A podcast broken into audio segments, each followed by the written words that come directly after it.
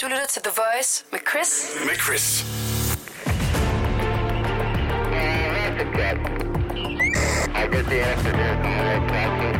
Det her er Langfingerland. Ægte true crime.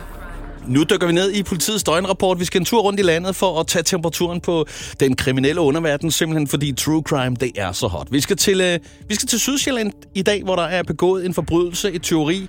Der er en langfinger, der har været på spil. Vi skal have noget om den her konkrete situation. Hvad ved vi om sagen her?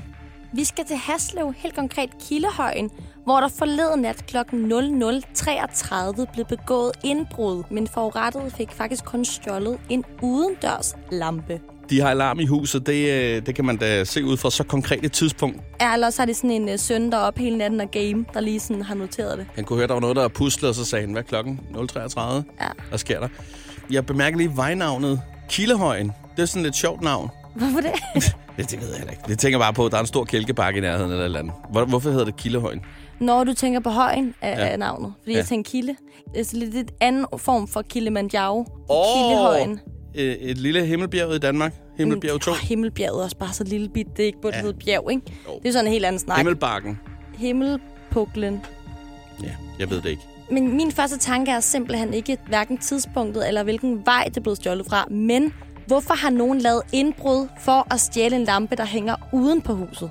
Lige præcis. Det er jo netop det, der ikke er til at forstå. Man bryder ind i et hus for at stjæle noget, der er udenfor. Det er helt bagvind. Nu siger jeg bare noget, ikke? Mm, kom med det. Har de også de her lamper hængende inde i stuen? Er- er vi ude fra, altså var det et godt tilbud hjem og fix? Manden, der kommer hjem. Grete, jeg har taget en selvstændig beslutning. Vi skal have udlamper indenfor. Det giver sådan en dejlig ensartet udtryk, og de er jo pis billige. Desuden, hvis man spiller kaffe på dem, så går de ikke i stykker. Det er IP44, de er vandtæt. Det er en win-win. Jeg, jeg ved det ikke. Prøv, at høre, prøv. at høre. Det er den eneste selvstændige beslutning, han har fået lov til at træffe efterfølgende. Det tror jeg, du har ret i. mand. Men på den anden side, det kan have noget, det er at være... Ej, men jeg ved det ikke. Jeg håber på en eller anden måde, at de har hængt dem indenfor, de her lamper, fordi det andet er også for sindssygt. Altså, at lave indbrud for at stjæle noget udenfor. Præcis. Så Ja. kunne han lige så godt lige have skruet dem ned udenfor. Det havde været lidt nemmere, ikke? Ja, men det er åndssvagt. Ja. Nå. Lad os snuppe en øh, sag mere fra politiets døgnrapport. Hvad ved vi om øh, den her? I dag så skal vi til Saxkøbing, helt konkret Majbovej, hvor der forleden mellem kl. 21 og 21.30 blev begået indbrud. De forurettede kunne meddele, at deres compound bue var blevet stjålet. Deres hvad? Jeg kunne lige så godt have sagt deres bue til tosset mange penge. Det er simpelthen en mega dyr bue. Og jeg, jeg, jeg, jeg sidder lige og googler det i det øjeblik. Det er da en vild... Det er sådan en profbue mm. med aluminiumspil, kan man købe den. Og hold nu op. Det er altså lige en modellen nyere end Games of Thrones, tænker jeg. Jamen, det er så sindssygt. Der er lidt Daryl Dixon, hvis du har set Walking Dead over det. Det er altså sådan, det er en badass faktor, sådan en... Det er en, Øh... det er en badass bue, og den ligger altså også til sådan 2-3.000 kroner eller sådan noget. Men jeg skal ikke til Saxkøbing lige i forløbet, hvis der render sådan Ej. en øh, psykopat rundt med en, med en compound bue til 3.500. Sidst, sidst jeg var i Saxkøbing, det var jo i folkeskolen, da vi var på tur. Der har de jo vandtårn, der smiler. Det ved jeg ikke, om du har set. Der er malet øjne på og mund og sådan noget. Ej, Deres det er lidt cute. gule vandtårn. Ja, det er faktisk cute vandtårn, de har. Nej, øh, hvad hedder det? Øh... Nej, men I var I på tur for at se vandtårnet? Nej, det var vi ikke. Vi var der jo på sådan en lejerskole, halløj. Okay, det er jeg glad for. Det er alligevel en rimelig tør folkeskoleoplevelse. Yes. Ja, vi kunne vælge mellem Paris og Saxkøbing. Nej. er, det, øh, er det bestillingsarbejde det her? Det må det være. Det er lidt niche, ikke? Jamen, og så alligevel ikke. Altså, der er noget badass ved at være ham der narkodealeren med, med compound boon eller sådan noget. Nu sætter jeg også ham i en virkelig lille bås, eller hende i en lille bås, der har stjålet det her. Men det er lidt sindssygt at stjæle en bue.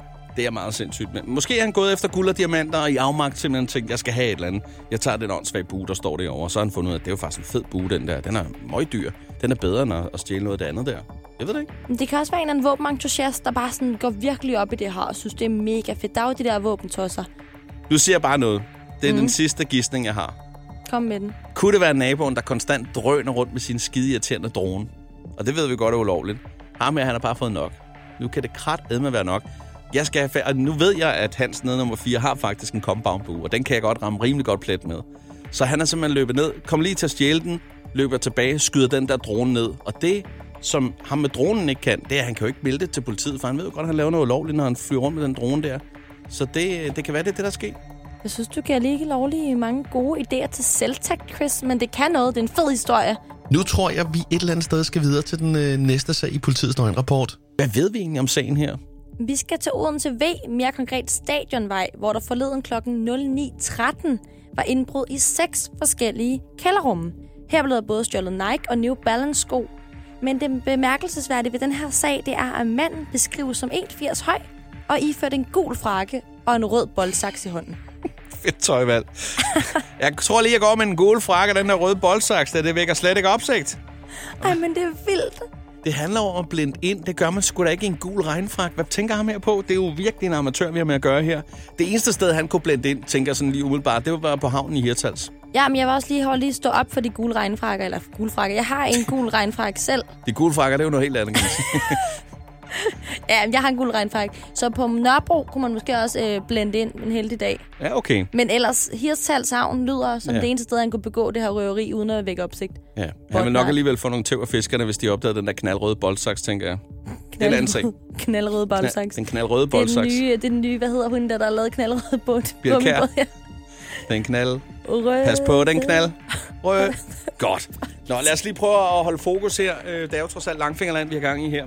Ja, og ikke dansk tophits. Præcis. Jeg tror, at tyven her har været en lille smule stresset. Seks kælderrum er blevet brudt op, uden der rigtig er fundet noget, udover, ja, juhu, to par sko. Halleluja, jeg ved ikke, hvad han lavede festdans af.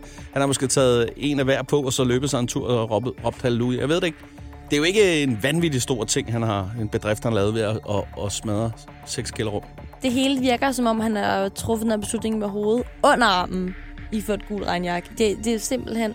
Det kunne altså også godt være, at det var en, øh, en beboer, som lige var lidt nysgerrig, fordi han var nede i sit eget kælderrum, og så skulle han lige se, hvad naboen havde. Og naboen, og naboens nabo.